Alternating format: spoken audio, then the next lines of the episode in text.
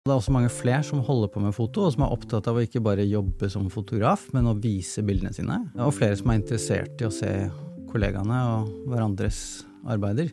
Så det har vært veldig fint.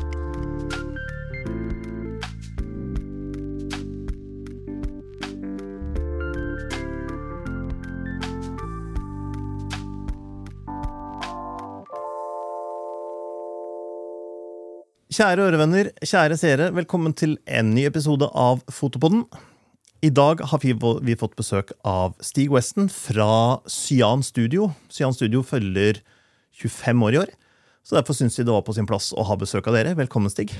Takk, veldig hyggelig. Sier dere Cyan eller Cyan eller Folk sier det de vil, stort sett, og Yes. mange sier Stian. Men det er uh, Cyan, sier jeg. Cyan, ja. For uh, Cyan blir likt, likt Sian, kanskje? Som ikke er helt heldig konnotasjon, kanskje? Kan ligne det. Ja, Vi skal Men, prøve å eh, si Sian. Sian er det mange som ender opp med. Ja. Det føles jo greit å kunne bytte når man snakker utenlandsk, men uh, Sian. Sian er 25 år i år, og vi tar ikke inn bare hvilket som helst eh, galleri, studio som blir 25 år. Dere er jo i en litt spesiell situasjon, for dere, er, dere kaller dere et kollektiv. Og dere er et samvirkelag. Samvirkelag høres ut som en gammel butikk man ikke har kjøpt blå-hvite varer på, men det er ikke bare det. Fortell litt om, om bakgrunnen og, og hvordan dere er bygd opp, og hva dere driver med. Ja, ideen var å kunne ha et lokale hvor uh, mange forskjellige fotografer kunne gjøre litt sånn som de ville. Uh, og at det, ingen skulle sitte og være sjef og tjene på de andres arbeid. Så i utgangspunktet så var vi bare to fotografer som kom ut av fotoskolen, gamle fotolinja på videregående, og fant et lokale og mm, organiserte som et samvirkelag, og det var litt styrete å finne ut av hva det egentlig betyr, når man ikke da har hyller med blåhvite varer, som du sier. Eh, Men eh, det er en veldig sånn grei organisasjonsform som legger opp til at eh, man egentlig er mer medlem egentlig enn eier, og at eh, man eh, står på like fot, og det ikke er noen som skal tjene penger på det. Og det har vært fint i utgangspunktet å ha et sted som skal eh, drives som arbeidslokale og visningssted og eventer for fotografer, men hvor organisasjonsformen ikke er kommersiell. For der er det også sånn at én person har én stemme, eller et medlem har én stemme, og det går ikke an å putte inn dobbelt så mye penger og få kjøpe seg opp og, Ja, og ha aksjemajoritet. Nei, akkurat. Uh, og så har dere drevet med dette i 20 år. Dere har Hva er det dere tilbyr? Det er jo arbeidslokaler da, i utgangspunktet, så eh, det ble organisert som et sted hvor man skulle kunne komme og jobbe som fotograf. Um, men hva betyr det? Det kan jo bety litt forskjellig. Og så Derfor var det et ideal at det ikke skulle være et studio gjemt i, bak i en kjeller nedi eh, en mørk hule, men at det skulle være noe som var lettere tilgjengelig å se. Og man også kunne bruke det til å vise bilder, eller ha møter, eller gjøre andre aktiviteter som man har lyst til, da, som fotograf. Um, så over tid så har det vært litt forskjellige uh, typer aktiviteter der, og litt forskjellig organisert. Eh, med at vi hadde kontorlokaler for flere fotografer en periode, og så fikk vi et større lokal ved siden av hvor det også var kontorer, og et større mørkerom. Og så måtte vi flytte ut av det og beholde studio bare, så en periode var det bare studio. Og så nå så er det både studio og et annet lokale hvor det bare er kontor til meg. Og et mørkerom som er i flittig bruk av veldig mange medlemmer. Ja. Eh, Så det er to forskjellige lokaler Men det er galleri også nå? Ja, Ja. men de to lokalene er adskilt med to forskjellige typer arbeidslokaler. da, Analogt og studio. Men studio har hele tiden vært i bruk som galleri også. Og det er eh, litt eh, grei kombinasjon, fordi det betyr at studio hele tiden må holdes ryddig. Og det er jo nyttig. Ja. Og så betyr det at eh, folk kan komme og bruke det til å vise fram bilder, og ikke bare lage bilder, så det blir en hyggeligere atmosfære. Eh, og flere som får en mulighet til å kikke innom og ta en titt på studio da, Mm. når de er der på utstilling. Men hvordan kombinerer dere det? Altså Hvis dere skal Ja, så da er kanskje studio oppe fra 8 til 16, og så er galleriet oppe fra 16 til 20? Eller tilsvarende? Ja, Nei, det er ingen åpningstider. Ingen åpningstider. Så det er åpent når eh, du kommer dit eh, Ja. og gjør noe. Så hvis du er fotograf, så avtaler du å leie, og så er det nøkkelboks, og så kan du komme og låse deg inn. Og da kan du jobbe midt på natta og i helga hvis du vil. Um, men uh, utstillinger, det blir det holdt av tid til på forhånd, og Da har det stort sett alltid vært helger. Vi har i flere år noen jevnlig siste helg i måneden som utstillingshelg. Okay. Og har holdt litt på det, men nå er det ikke nødvendigvis helt strengt lenger. Det har vært greit å kunne bytte litt rundt på det. Så dere har ikke sånne store utstillinger som henger i en måned, og Nei. hele Norge kommer og skal se? Nei, fordi det er ikke sånn at hele Norge kommer og ser. Det er åpningsdag, og så er det i helg at folk kommer. Ja. Så vi prøvde i starten å ha noen ukesutstillinger og to helger på rad og sånt, og det var ikke nødvendig. Det var ikke nyttig i det hele tatt. Nei. Eh, og så er det jo meninga skal være tilgjengelig for fotografer som trenger å bruke studio, da. Mm. Ja, det blir jo veldig dyrt hvis man skal ha ett lokale som bare er for utstilling, og besøkende bare kommer i helga. Ja. Så blir jo det et veldig, veldig dyrt lokale fort. Ja. Um. Og det er et poeng at uh, utstillinger uh, koster nok å lage for en fotograf, så lokalet skal ikke koste noe. Eh, og dermed kan ikke heller utstillingen ha et fokus på salg for galleriet sin del. Um, så for å markere det, så er, eh, har galleriet drevet med en 10% kommisjon av salg. Mm. Bare for å være tydelig på at fotografen ikke er forventa å selge noe, og man kan lage utstillinger som man ikke trenger å gjøre det. Men hvis du har lyst til det, så får du penger fra salg selv. Ja. Uh, men det gjør jo også da, vi kan ikke sette av så mange dager i måneden Nei, til utstillinger. Mm. Ja, for 10 det er lavt. Det- Og det er det eneste de betaler, eller? Ja, Pluss eh, leie i de åpningstidene, eller? Nei, vi har hatt en eh, sånn utstillingsserie hvor folk søker, mm. eller um, spør, og, eller blir spurt, og så er det gratis. Oi. Og så er det bare 10 Wow. Eh, Men det har også vært mulig for folk som er desperate og har en tidsfrist, å leie en helg, Mm. og da sette opp utstilling med hjelp. Um, men igjen, det skal ikke koste noe mer enn å leie studio. Nei, nettopp. Men øh, Så dere leier ut studio, og dere leier ut mørkerom, og eventuelt andre rom?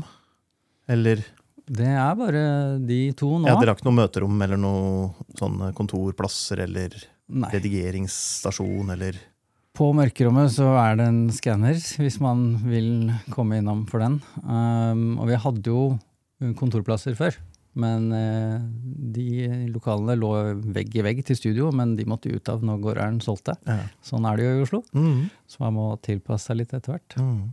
Og så har det vært litt deilig å ikke ha noen kontorplasser i studio. Det var jo det vi starta med. Uh, men uh, det ble mer rot med at man satt innafor den som fotograferte og ja, tok opp plass, på en måte. Men dere får det til å gå rundt ved å leie ut dette her? For det er ikke mange som får til det, tror jeg. Nei, og det er jo lagt opp til at det går rundt fordi det ikke er noen inntekt på det.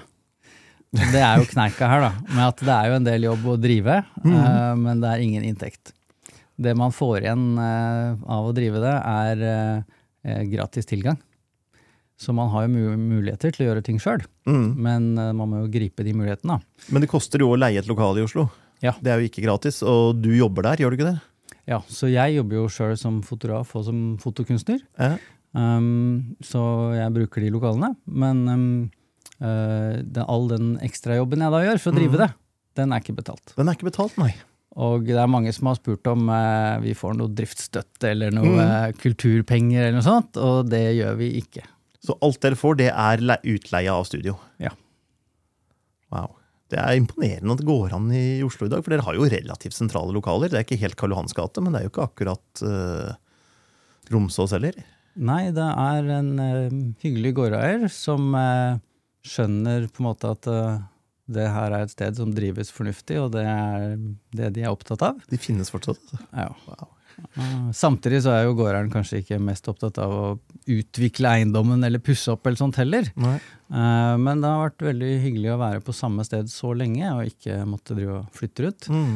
Um, men når det er sagt, så er det, er det jo basert på at eh, man eh, setter opp en utstilling, og fotografen som kommer og stiller ut, gjør jo selvfølgelig det fordi de har lyst, men som gallerist så eh, gjør vi det uten å, uten å få betalt for det. Mm. Men fordi vi syns det er viktig at uh, dette er et tilbud.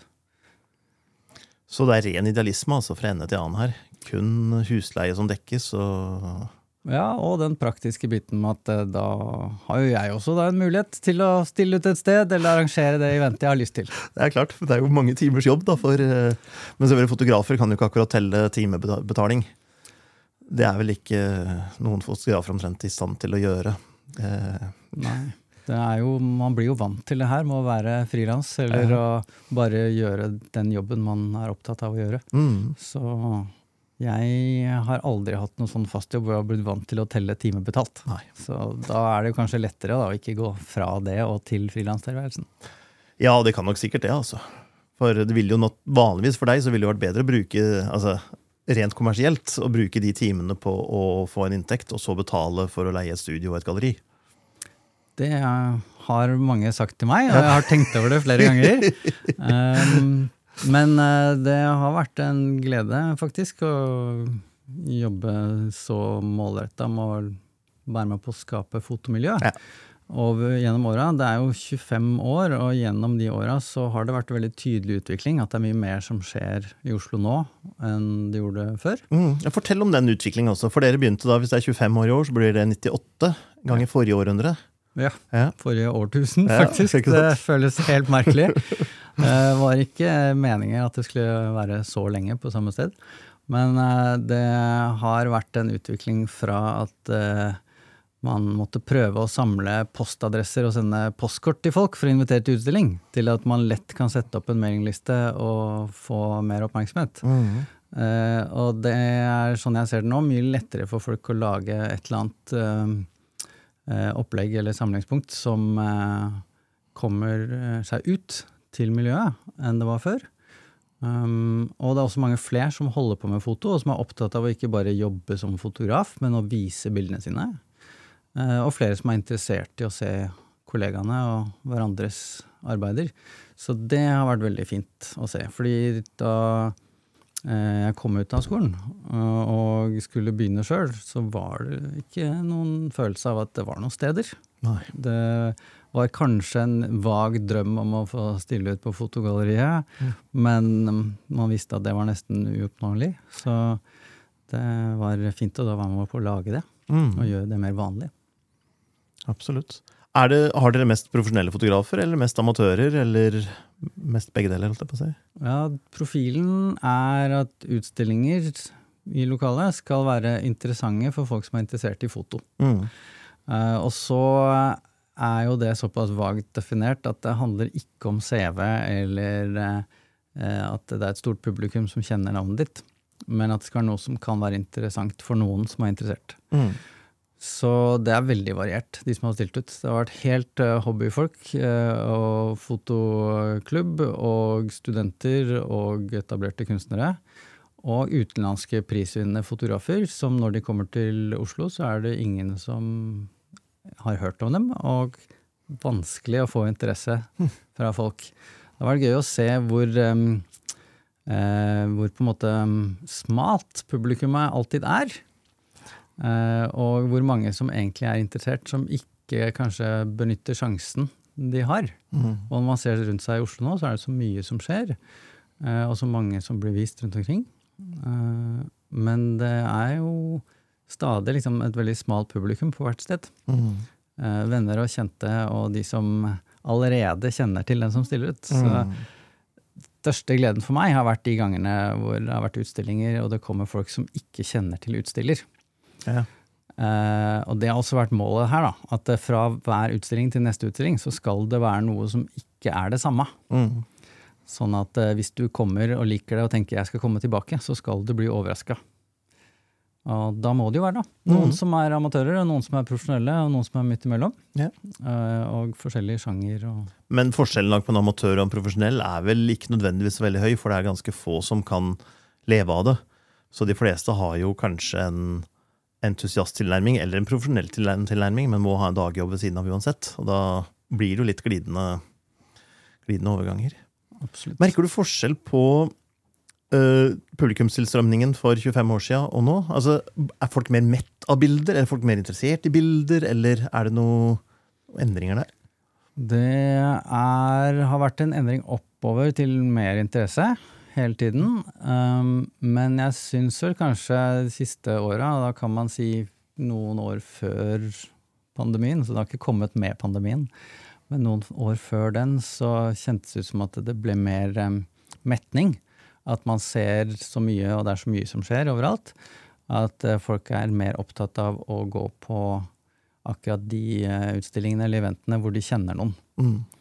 Eh, det har det jo alltid vært, selvfølgelig, men at det har blitt enda mer av det. Fordi de, de som er interessert i å se bilder, de kjenner alltid noen Mm. som viser noe. Ja.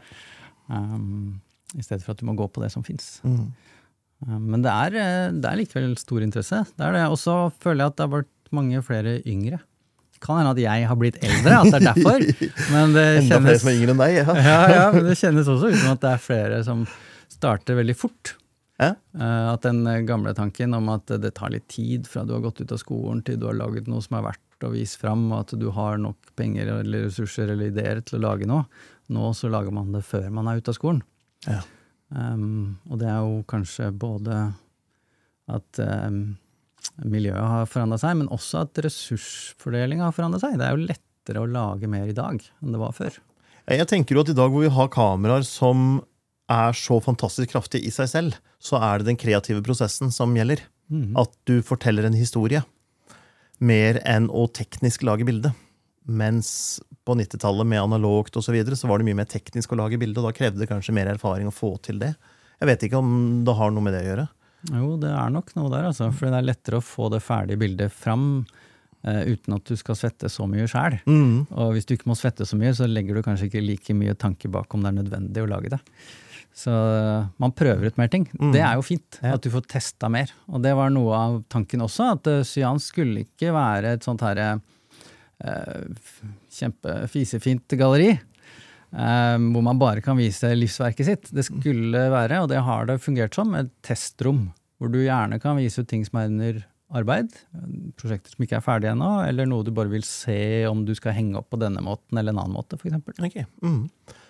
Får dere så mange forespørsler om uh, utstillinger at dere må gjøre en veldig streng sortering? Og hvordan sorterer dere i så fall?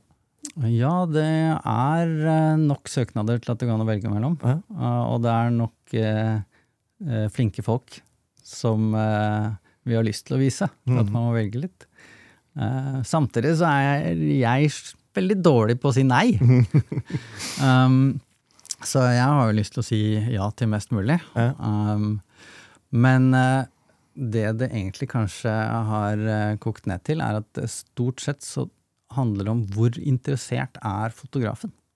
Sånn at hvis du maser og viser at du virkelig mener noe og vil noe, så um, er det større sjanse for at du får et ja. Et tips til alle dere som hører på der ute nå. Ja. ja, fordi de fotografene som sender inn et eller annet, og som man så aldri hører fra igjen, da var det ja, kanskje ikke så interessert, da. Nei.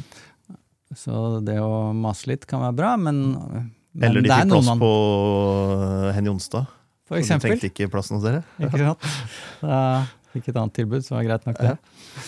Men, eh, men samtidig, det er, det er mange jeg må ha sagt nei til. Mm. Og da er det fint at folk hører på det også. Men søker de da på nytt? Bytter de to bilder og søker på nytt? Eller søker på en Nei, det skjer ikke noe særlig. Folk sender en søknad, og så hører man ikke noe mer. Nei. Selv hvis jeg skriver tilbake og sier dette ser interessant ut, men kan du sette det sammen litt annerledes? mm. Og så Så hører ikke. hører jeg ikke noe. Nei, men da er det jo greit. Hvis de ikke er mer interessert i det, så ja. Nettopp. Det har jo også vært tilfeller hvor eh, jeg sier at det, det her kan stilles ut, dette blir fint, Mm. og så ikke hører noe. Ja. Og da er det ikke noe vits i å mase på noen. Hvis du ikke får det til, så vil du ikke nok. Um, har dere hatt noen Har du noen sånne morsomme historier fra disse 25 åra? Ting som har gått over all forventning, eller holdt på å si under all forventning, helt skeis, eller ting som Ja, det må ha skjedd ting.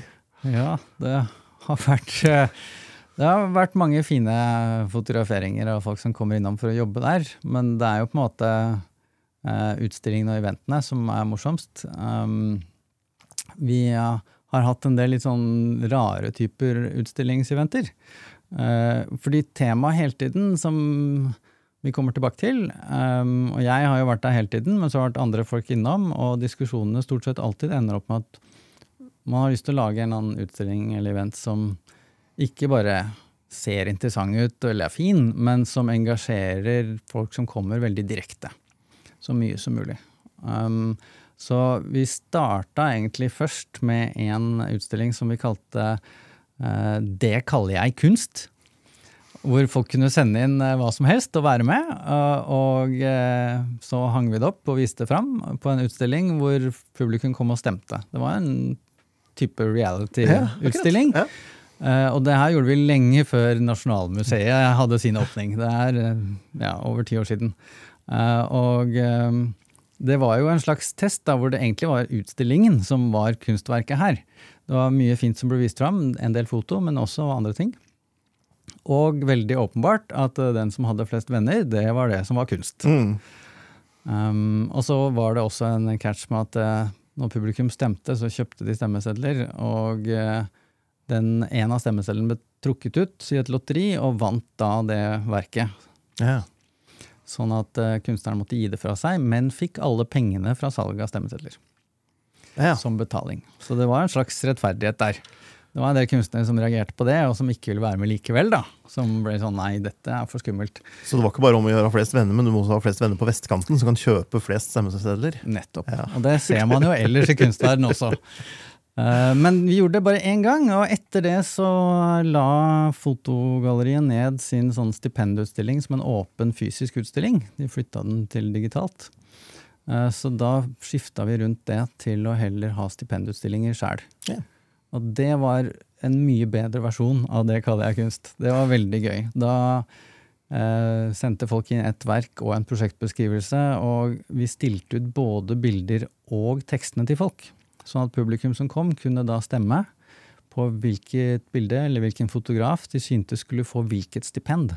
Så vi hadde jo sponsorer, da, for eksempel eh, eh, Interfoto eller Foto.no, Mm. uh, med mm, eh, gavekort på utstyr eller leie eller ting. Eh, sånn at hvis du så en fotograf du tenkte at den trenger litt bedre utstyr, så gikk det an å stemme på at den fotograf skulle få Ja, det stipendet. Mm. Eh, og igjen da, så var det en loddtrekning, så hvis du fikk mange stemmer, så hadde du gode sjanser for å vinne. Ja. Men det var tilfeller, og det var utrolig vakkert, når det kom en eller annen fotograf inn, jeg husker det veldig godt, med et bitte lite bilde, en liten ramme, for å levere det til utstillingen. Og så sto det masse verk overalt i rommet.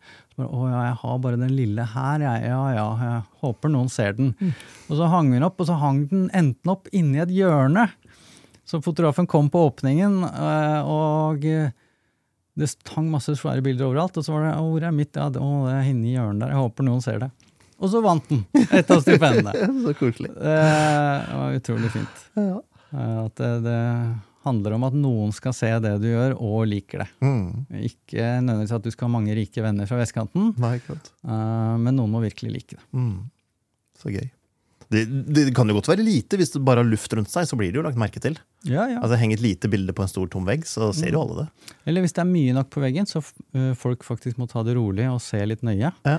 Eh, og det var også det som var veldig gøy med de stipendutstillingene. At eh, publikum som kom, det var jo mange som hadde noen venner som stilte ut.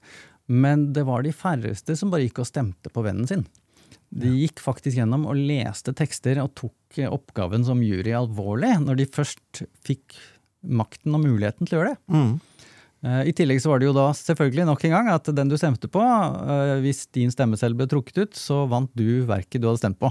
Ja. Så du måtte jo stemme på noe du likte. Men en del som ikke er venner lenger, da, hvis de ikke stemte på Det blir jo de avslørt på, når ja. det trekkes. Ja, men sånt er jo moro, altså. Det er det. Mm. Eh, Vi hadde noen andre typer, andre varianter. Jeg vet ikke om det er noen som husker chatrulett lenger, men det var et internettfenomen hvor man kunne få en sånn tilfeldig videochat med folk. Så du logga deg inn, og så fikk du opp videoen til en eller annen, og så kunne man snakke, eller så kunne man bare trykke på knapp, og så får du neste tilfeldige person. Eh, Og det var eh, veldig stor hit en liten periode. Um, så vi satte opp det med prosjektor og webkamera, sånn at eh, når en eller annen klikka seg inn, så så de plutselig hele studio fullt av folk på fest som uh, snakka med deg. Eh, det var eh, veldig gøy, inntil de som da klikka seg inn og vi møtte der, eh, var opptatt av at de ville finne en eller annen på video som kunne se på mens de hadde sex. Ja, ikke sant? Og så plutselig fikk de et helt rom fullt av folk. Ja. Så det var jo litt rart. Um, Men da fikk jo de folka i studio hvert mer enn de kom for. Det gjorde de. Ja. Det var en morsom fest. Det var det. Det ble Både fyll og fanteri og slåsskamp etter hvert. Moro. Hva gjør dere de neste 25 åra? Det er usikkert, fordi planen nå egentlig er at uh, jeg som har vært med hele tiden og vært litt primus motor der, um, tenker at det er på tide at det er noen andre som tar over. Oi, skummelt. Det er skikkelig skummelt, fordi det blir jo et slags hjertebarn da, over så lang tid. Um, men kjenne kjenner på at det må være litt fornying og nye ideer og nye måter å drive på. Og det har jo vært forskjellige varianter underveis. Så jeg har så vidt begynt å annonsere nå, etter at jeg håper noen er interessert i å ta over. Um, Mørkerom og studio er jo for så vidt delt opp, så en eller annen som, eller en gruppe med fotografer kanskje, som har lyst til å ta over studiodelen og finne ut av hvordan de vil drive det. Uh, og så går det an å snakke om hvordan det skal gjøres. Om det skal være liksom, å bli medlemmer og ta ansvar, eller om det skal være å ta over hele greia, eller uh, hvordan det føles trygt å gjøre det. Jobb 40 timer gratis i uka mot tilgang til studio og mørkerom. For eksempel. Ikke sant? Men hvis man er et par stykker, så er det ikke så ille. Nei. Da handler det mer om at man har lyst. Ja. Og, uh, hvor mye tid tar dette her for deg? Altså, timer, vet du hvor mange timer i uka du bruker på ja, Det tør jeg jo ikke telle over. Nei, det er kanskje eh, best. og så er det noe med å ha kontorplass på mørkerommet, f.eks. Mm. Så når medlemmene kommer og bruker, og eh, folk har jo spørsmål mm. eh, Men jeg er jo også sosial. Mm. Og det har vært en veldig hyggelig måte å ikke sitte aleine på frilanskontor. Ja. Men å ha noen kollegaer som eh, kommer innom. Mm. Er det mange nå som er medlem, eller leier de fleste plass, bare? Ja, det er faktisk nå. Det her med å ha et kollektiv, det har mm. skifta litt underveis. Um, og som uh, sånn egne medlemmer av samvirkelaget, så er vi faktisk bare to. Ja. Um, men um, det er da meg og Stian Evensen, som også er lærer på Oslo Fotokunstskole nå. Han har skifta litt rundt fra frilanstilværelsen til lærerjobber. Um, og så er det de som leier fast i studio, og som er medlemmer på Mørkerommet. Mm. Uh, og der er det jo til sammen over 40 stykker. Ja. Men de er på en måte bare ansvarlige for å rydde opp etter seg sjæl. Ja. Og eventuelt komme med ideer for hva de Men hva betaler de? Betaler de en månedspris, eller betaler de en per gang-pris, eller hvordan Ja, og de betaler da månedsleie for ja. om de bruker studio eller bruker mørkerom. Ja. Uh, og igjen, den er jo da satt så lavt som mulig, sånn at det skal dekke utgifter. Mm. Uh, og være noe du kan ha uten å ruinere deg eller måtte jobbe livet av deg hele tiden. Mm. Men når du nå går ut herfra, og 200 mennesker eh, lyttere ringer deg på telefonen og vil låne leie studio mørkerom og alt mulig sånt noe, da har dere en timepris eller en for det? Ja, det er eh, informasjon på nettsiden, mm. cyanstudio.no om studio og studioleie eh, og hva det koster. Det er noen tilbud på klippekort, så du kan komme ja. flere ganger ja. og selv eh, booke tid på kalenderen hvis du har lyst til det. Uh, og på mørkerommet så er det absolutt best å være medlem uh, for å få medlemspris. Det går an å leie en dag eller en uke, men uh, som medlem så må du være minimum seks måneder medlem for bare 200 i måneden. Og da velger du som medlem om du vil betale per dag eller for full månedsleie og fri bruk. Mm. Og der er det omtrent halvparten halvparten som har valgt fri bruk. Ja. Så da får man kjenne etter om man tror man skal stå mye i mørket eller ikke. Hvor glad man er i lukten av fiks og framkaller og ja. Mm. Og vi har også da, der også et slags tilbud eh, hvor du kan ta en prøvemåned. 800 kroner for å komme og bruke mørkerom i en måned, og så kjenne etter. Ja. ja, men det er jo kjempetilbud, altså. Er det noen andre som driver på sånn, enten i Oslo eller i Norge, som du vet om? Uh, ikke på samme måte og samme nivå, men ved å uh, starte opp Mørkerommet, sånn større, for tre år siden nå, så har jeg sett at det er flere som også begynner å starte opp Mørkerom. Mm. Jeg ble kjent med noen som har jobba for å få til noe i Ålesund. Det er et eller annet i Trondheim. Og jeg har sett nå at det er et sted som heter Kollektivet i Oslo, som starter opp et lite studiokontorkollektiv med mørkerom. De har ikke bygd det ferdig ennå, men det så veldig lovende ut. Jeg syns bare det er bra at det blir mer. Så det er ikke konkurrent, så du går og brenner ned lokalet en mørk natt, eller eh, Absolutt ikke. Det var ikke meg som eh, var ikke var borti der. Nei, jeg, jeg tenker det er fint. Ja. Det er bra med mer eh, interesse for foto, og det har jo vært ideen fra starten av. mm. At eh, bygge noe, gi et tilbud, og så være glad for at det blir mer interesse. Mm. Det er jo helt fantastisk. Det er jo litt det vi gjør også blant annet med denne podkasten. Mm. Vi er jo et kommersielt selskap nå, men det er jo ikke veldig kommersiell, denne podkasten. Det er jo bare for å få folk interessert. Så har vi selvfølgelig en ond baktanke om at da kjøper de kanskje noe utstyr av oss. Men, eh, men eh, det er jo først og fremst for å skape mer interesse at vi gjør det. Og det er jo helt utrolig med folk som, som gjør det på, på frivillig basis i 25 år. Altså det er jo ære for, for det. Men nå begynner, hva skal du gjøre da, da, hvis du ikke skal drive med dette? her? Skal du bare fotografere? da? Ja, tingen for meg er eh, på en måte at eh, det er eh, en viktig del av interessen min. Så jeg er jo mye en organisator, mm. men, og jeg er glad i det. Men det er jo foto og fotokunst jeg brenner for og er opptatt av. Så det å få det ut og øke interesse er viktig. Men jeg har jo mine egne prosjekter. Og det har vært veldig fint å ha et slags sånn galleri prøverom for det underveis. De Første åra hadde jeg et målsetning om å stille ut sjæl to ganger i året i galleriet. Og så har jeg kutta ut det, og så viste jeg andre i stedet. Men jeg har jo alltid mange fotoprosjekter på gang. Og så har jeg sett de siste åra at de hele tiden blir utsatt og tar lengre tid Ja. enn de burde. Ja. Eh, fordi prosjektene mine blir større og større og tar mer og mer tid. Så jeg ga ut eh, min første fotobok nå i høst, og eh, skulle egentlig allerede hatt bok nummer to klar. Men eh, den er litt seig, fordi det tar tid. Ja. Og da er planen min framover å jobbe mer med de egne prosjektene, og så også utvikle mørkerommet. Sånn cyanmessig så er det mye som har skjedd på studio, men, og utstillinger på galleriet der. Men nå så kjennes det ut som det er mye som skjer på mørkerommet, og jeg har lyst til å kunne gjøre mer med det. Hvordan utvikler man en mørkerom? Har man ikke bare en uh, kjemikaliebad og en uh... Ja, det er jo det man pleier å ha, da. Men så er det muligheter for å gjøre mer. Så på mørkerommet til Sian så er det, det er i en gammel sånn kiosk, gammelt butikklokale. Så det er vinduer ut mot gata, så er det et lite visningsområde der for medlemmene til å vise hva de jobber med. Eh, Så var det gøy å kunne promotere det litt mer. Men eh, siden analogfoto og interessen for det i kunstverden øker, eh, så er det flere mørkerom som starter rundt omkring. Og eh, jeg har starta et sånt nordisk mørkeromsnettverk. Ja. Så jeg tok kontakt med mørkerommet i Helsinki, som blir drevet av en gruppe kunstnere. Um, og besøkte dem, og så begynte vi å samarbeide. Og så har jeg eh, fått tak i nordiske kulturpenger denne gangen, så det er ikke helt frivillig. uh, men stort sett frivillig likevel.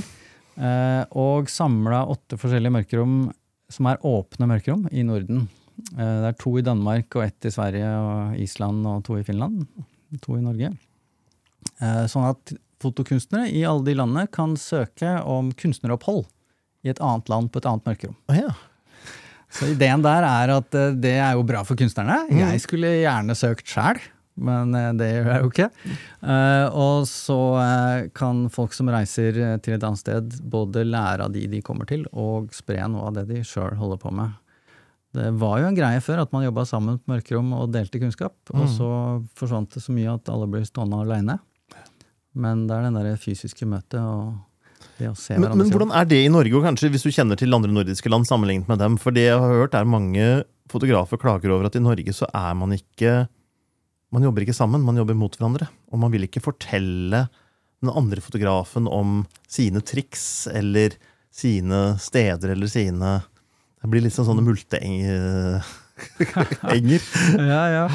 Her, her går jeg for å finne de fine bakgrunnene. Mm. Det har jeg opplevd det i studio, faktisk, da vi hadde kontorplass innafor studio. Det var fotografer som ikke ville at det skulle være noen der, og se hva de gjorde. Ja. Uh, men um, på eh, hvordan det fungerer nå, og særlig i mørkerom, så føler jeg ikke at det er sånn. Det er vel en del sånn mellom kommersielle fotografer, men jeg opplever at det er veldig mye mer kollegialt og deling enn det var for 20 år siden. Ja, det er bra. Eh, og på mørkerom eh, så er det i hvert fall det. Mm. Og det å reise rundt og besøke i andre land, eh, som jeg har gjort, det syns jeg har vært veldig nyttig, og alle har lyst til å dele. Mm. Alle er bare glad for å ha oppdaga noe, eh, og skjønner at de ikke har sett alt sjæl Ja. ennå. Eh, så det, det tror jeg ikke skal være noe problem. Nei. Nei. Men det har vært et veldig skifte også, da, mellom de som um, jobber liksom mer intenst på mørkerom. Um, så er det mange flere som jobber veldig eksperimentelt og utfordrende og prosessbasert, og ikke sånn som vi tenker på som tradisjonell svart-hvitt, eh, vakkert kopierte landskapsbilder. Mm. Um, så det er jo litt gøy, da. Da er det mer ideer som man kan utveksle. Er det også litt på grunn av dette her med at eh, håndverket er blitt enklere, og det er den kreative prosessen som er viktig? Så når det før var en 50-åring som hadde brukt 40 år på å lære seg et håndverk, så ville han ikke fortelle andre eh, sine triks, mens nå er det kanskje ikke så mye sånn, så det er den kreative prosessen, og da blir ikke konkurransen den samme? Ja, det det, det kan det nok være. Um, det handler jo mer om ideer i dag. Alle tar jo så mye bilder. Uh, det, all foto er mye mer konsept- og idébasert, selv om det fortsatt kanskje ser litt tradisjonelt ut. Um, og på mørkerommet så uh, er det uh, en interesse for selve prosessen. Og da får man jo lyst til å snakke om prosessen sin. Og at gjøre prosessen til en viktig del av bildet. Mm. Da jeg lærte å stå på mørkerom, så handla jo alt om at det skulle være rent og pent og ikke noe støv og perfekt skarpt og alt sånt. Mm. Eh, Og når man ser studenter i dag, så er det jo støvet de vil ha, og Ja. de vil gjerne legge på litt ekstra. For det er en reaksjon på det digitale, helt rene, sterile. Ja. Eh, Og da blir jo den prosessen en viktig del av bildet, da. så da blir jo mer av hva man snakker om, Mm. er akkurat den biten. Um, ikke hva man nødvendigvis har tatt bilde av. Mm. Det jeg ligger jo i sånn som jeg jobber også, det. Så jeg kan føle at det er en viktig, viktig og god trend. Mm. Ikke noe mot det. Så det er ikke noe fare for at man har tatt alle bilder, og det er ikke noe mer å ta bilde av, for nå har man gjort Nei. alt. Det er det jo ikke. Eh, men man kan jo sammenligne med andre kunstformer. da. Man har ikke slutta å male fordi eh, man har malt alt i verden, Nei. men man maler jo på nye måter. Mm. Og man utvikler måten man eh, uttrykker seg på. Og det er også et nytt publikum som er vant til å se andre uttrykk. Så det skifter jo kanskje fortere i dag enn før. Og med eh, formidlingen av digitale bilder som er så rask og så brei, så får man sett veldig mye, og så trenger man å se noe annet. Mm. Og da, mm, da utvikler jo det seg også. Det er mye som var vakkert digitalt for ikke så lenge siden, som man er veldig lei av i dag. Ja, det er noe av utfordringen, at man har, man har jo sett så mye. Hvis man går 25 år tilbake, så hadde vi ikke sett så mange bilder. Og mer var kanskje spennende. Nå har du sett så utrolig mange bilder, så å skulle gå ut og ta bilde av en ugle er ekstremt krevende. For vi har sett så mange uglebilder, vi har sett så utrolig mange bra uglebilder. Er det blitt en skifte der, at det må være mer historie, eller mer konsept, eller mer et eller annet sånt, enn bare et vakkert landskap eller en vakker ugle? Ja, det har jo det. Det er jo ikke nok med et bra bilde, eller et fint bilde lenger, som Nei. du sier. Det, det fins allerede, og man vet at det er mulig å lage. Um, og så er det, føler jeg, en slags deling der mellom de som da er opptatt av å formidle historier i stedet, og kanskje heller eh, bruke fotografiet til å se på seg selv og sin egen historie, og så formidle den, men først og fremst kanskje undersøke seg selv. Litt Mm. sånn fotografi som terapi. Ja. Uh, og det kan jo være interessant å se andre gjøre, fordi du kan kjenne det igjen. Um, og så er det folk som bruker foto for å se på fotografiet. Eller egentlig kanskje hvordan vi ser på verden. Fordi vi ser verden gjennom fotografiet veldig mye. Mm. Og da blir det jo konseptbasert, kan man si, men det blir medieundersøkende. Det blir um, uh, litt sånn under overflaten og forbi motivet. Og da handler det om uh, hva du sier om bildene dine, og sammensetningen av bilder, og mindre om akkurat spesifikt hva det er bilde av, kanskje. Ja.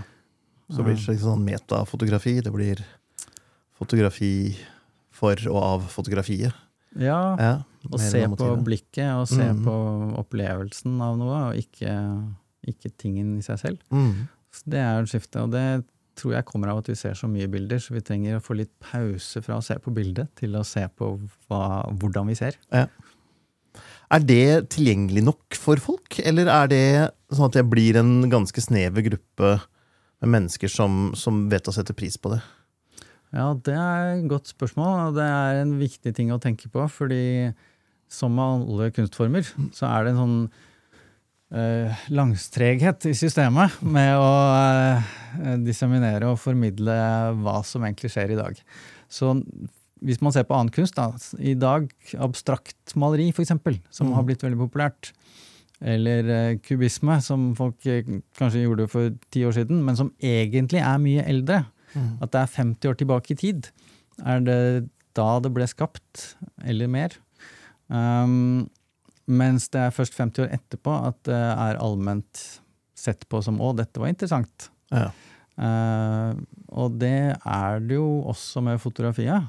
Det er fortsatt veldig mange som eh, liker fine bilder og bra bilder. Um, men uh, den tregheten den er kanskje ikke fullt så treig i foto som i andre kunstarter, fordi vi ser så mye foto. Mm. Men den fins jo der.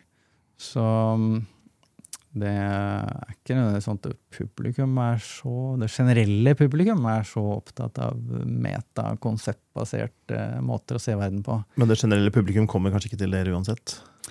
Nei, eh, det kan man si. Det generelle publikummet går ikke på generelle utstillinger. Eh, Men samtidig, jeg er litt opptatt av den sammen, eh, sammenligninga man kan gjøre mellom kunst eh, og eh, eh, forskning. At det fins jo populærvitenskapelig forskning, eller folk som er populære eh, formidlere av forskning. Fordi de klarer å forenkle ting og forklare det og vise det ordentlig, selv om det er dypt og Mm. seriøst. Og det samme fins jo i kunst. Mm. At det er fotografer for eksempel, som kan ta de bildene som virkelig beskriver noe om hvordan vi ser verden, eh, og engasjere et mer generelt publikum. Ja. Fordi man kjenner seg igjen, Mm. uten at uh, man blir um, fremmedgjort. Og det er mye kunst som fremmedgjør publikum. Mm. Uh, Så det er vel kanskje den jeg har vært litt opptatt av, sånn cyanmessig. At det skal ikke være en lang CV, og det skal ikke være din bakgrunn som bestemmer om du får vise, men om bildene dine kan formidle noe. Um, og det kan godt være liksom enkelt, og det trenger ikke å være så konseptuelt eh, vanskelig. Uh, men håpet har jo da vært at publikum har lyst til å ta det alvorlig likevel. Mm. Og der er det jo en kneik som jeg føler at eh, publikum må jobbe med seg selv. Og åpne seg for å bli berørt av Ja. det de ser. Mm. Men går man ikke på en enhver kunstutstilling, enten det er foto eller hva som helst, for å bli berørt? Eller går man for å se pene bilder? Man gjør jo det, men jeg vet ikke om man tør å engasjere seg nok til å åpne seg for det når man går der.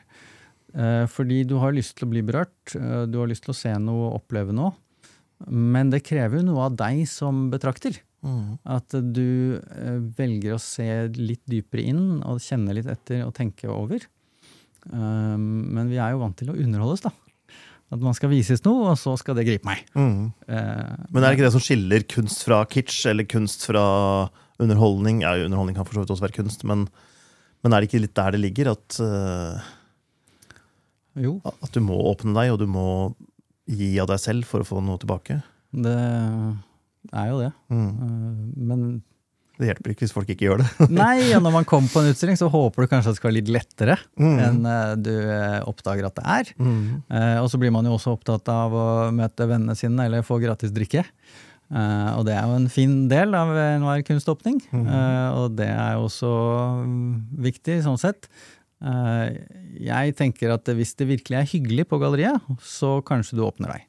Så det har vært en fin greie på Cyan, at det ikke skal være mm, sånn eh, eh, snobbete eller eh, litt sånn eh, overakademisk. Men det skal være eh, hjemmebrygga øl og potetgull. og morsomme samtaler mens man titter litt rundt, og dermed kanskje også får lyst til å åpne seg litt. Mm. Åpner man seg mer når kunstneren ikke er til stede? Så man slipper å skryte av bildene til kunstneren? Da kan man gå litt Mm, kanskje hvis man kjenner kunstneren, Ja. med, eller i hvert fall kjenner kunstneren litt. Mm. Men uh, jeg opplever ikke at det er publikum oppfører seg sånn. Jeg føler ikke at jeg oppfører meg sånn sjøl, men uh, jeg syns ikke jeg ser det heller. Nei. Nei. Blir dere sett ned på av de snobbete galleriene? Det tror jeg, men jeg vet ikke. Det det er ikke så farlig. Det er viktigere at eh, det er ting som blir vist, så folk får sjansen til å vise det fram. Mm. og at folk får sjansen til å se det. Um, har opplevd en gang um, Nå har jeg satt sammen juryer av andre eh, fotoeksperter til å komme på Sian og være med å bestemme et eller annet. Og fått kommentaren om at uh, ja, det er jo faktisk ganske bra med Cyan, da, fordi det er jo sånn at f.eks. i sportsverden så må man jo ha elitelag, og så må man ha den derre klubben på lokalnivå. Det er bra at dere gjør det. Uh, og det følte jo ikke jeg helt, men uh, det kan jo være sånn man ser på det. Jeg er ingen stor kunstkjenner, men i mitt hode så er det altså så mye snobberi i kunsten, og det er så mye navn. Har du et navn, så kan du begå nesten hva som helst. Og har du ikke et navn, så kan du også nesten begå hva som helst, men det hjelper ikke. Og jeg føler at det dere driver med, er jo for å bryte med den der. Og det er jo noe kunstverden trenger, altså. For det er, det er jo helt forferdelig. Du selger et maleri eller et bilde for en halv million fordi du har et navn, og så kan det være så dårlig det vil, det bildet. Eller du kan ta det mest fantastiske bildet, og kanskje får du solgt det for 3000 kroner til å dekke ramma og utskriften. Eh, Ja, det er sånn det er, det. Ja. Det er jo de som skal bruke mye penger, de vil jo ha en trygg innpakning. eh, Og vite at det er verdt det de får. mm, men det er jo bare verdt det fordi det er et navn som skaper en etterspørsel som gjør at det kan selges igjen for en høyere pris kanskje en annen gang. Mm. Så det har ikke noe med hvor god kunsten er å gjøre, egentlig. Nei. Det, man skulle jo tro at man verdsatte ting mer hvis du likte det mer. Mm. Eh, Og da må du like det veldig godt hvis det skal være så dyrt. Mm. Men eh, du liker jo alt andre rundt, da. Du Mm. liker kanskje oppmerksomheten du får på galleriet, eller du liker eh, at du kan smykke deg med et eller annet navn som noen andre kjenner til. Mm. Um, uavhengig om de har sett verket du har eller ikke. Og uh, sånn er nå vi mennesker, da. Mm. Det handler om uh, mer signalisering til de rundt Mm. enn egen opplevelse. Så jeg syns jo at eh, det er synd at det er sånn, men jeg tror jo ikke at eh, det er mulig å gjøre noe med det gjennom å drive et sted som Cyan. Eh, Men det er greit og hyggelig å drive et sted som ikke tar hensyn til det. Mm. Og så får det være opp til de rundt om de da setter pris på det eller ikke. Um, jeg, jeg er i hvert fall mer komfortabel med å være oppe i den biten av det, og gå et sted som ikke har den holdningen. Mm. Det er jo ikke sånn at eh, de opplevelsene man har et sånt sted, trenger å være dårligere.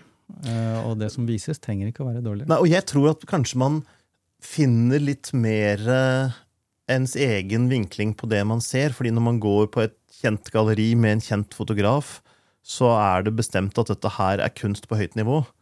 Og hvis du ikke klarer å se kunst på høyt nivå, så er det jo deg det er noe feil med. Mm. Um, men du kan kanskje gå og se etter ting på en litt annen måte, for det er ikke så ferdig definert alt sammen på et sted som Sian. Mm. Kan det være noe fornuftig det jeg sa der nå? Eller er det Ja, ja. Nei, det høres eh, veldig gjenkjennelig ut. Det Ja. å komme et sted og lure på om man selv tar feil. mm. Um, eller føle at det ikke er helt åpent, og selv kjenne etter hva man syns. mm. Det, det er viktig å ha rom for å kunne lære noe som publikum, føler jeg, og lære noe som utstiller og kunstner. Mm. Det å erkjenne at enhver visning eller enhver event av en sånn sort er, er også en læringsarena for begge parter. Mhm. Eh, Så det, det tenker jeg eh, har vært fint å se. Eh, Jeg føler jo gjennom åra, når jeg har sett liksom tilbake og sett gjennom lister med utstillinger og hvem som har vært innom, så er det veldig mange som har kanskje ikke hatt førsteutstillingen sin, eller kanskje det også, men hatt eh, tidlig i karrieren og så gjort veldig mye etterpå. Og at det åpenbart eh, var kvaliteter der som man kunne se tidlig. Og det var dere som oppdaget dem? Jeg skal ikke påta meg noe sånn ære for å oppdage noen sånn sett, men at det i hvert fall eh, var kanskje bra steg på veien. da, Et eller annet første steg med å lære noe, eller prøve ut noe, eller eh, oppdage at man får til et eller annet. Men det må jo være enormt tilfredsstillende for, for dere at det dukker opp en person som er hos dere som første utstilling, og så blir det noe videre. For det, det var jo dere som ga vedkommende muligheten.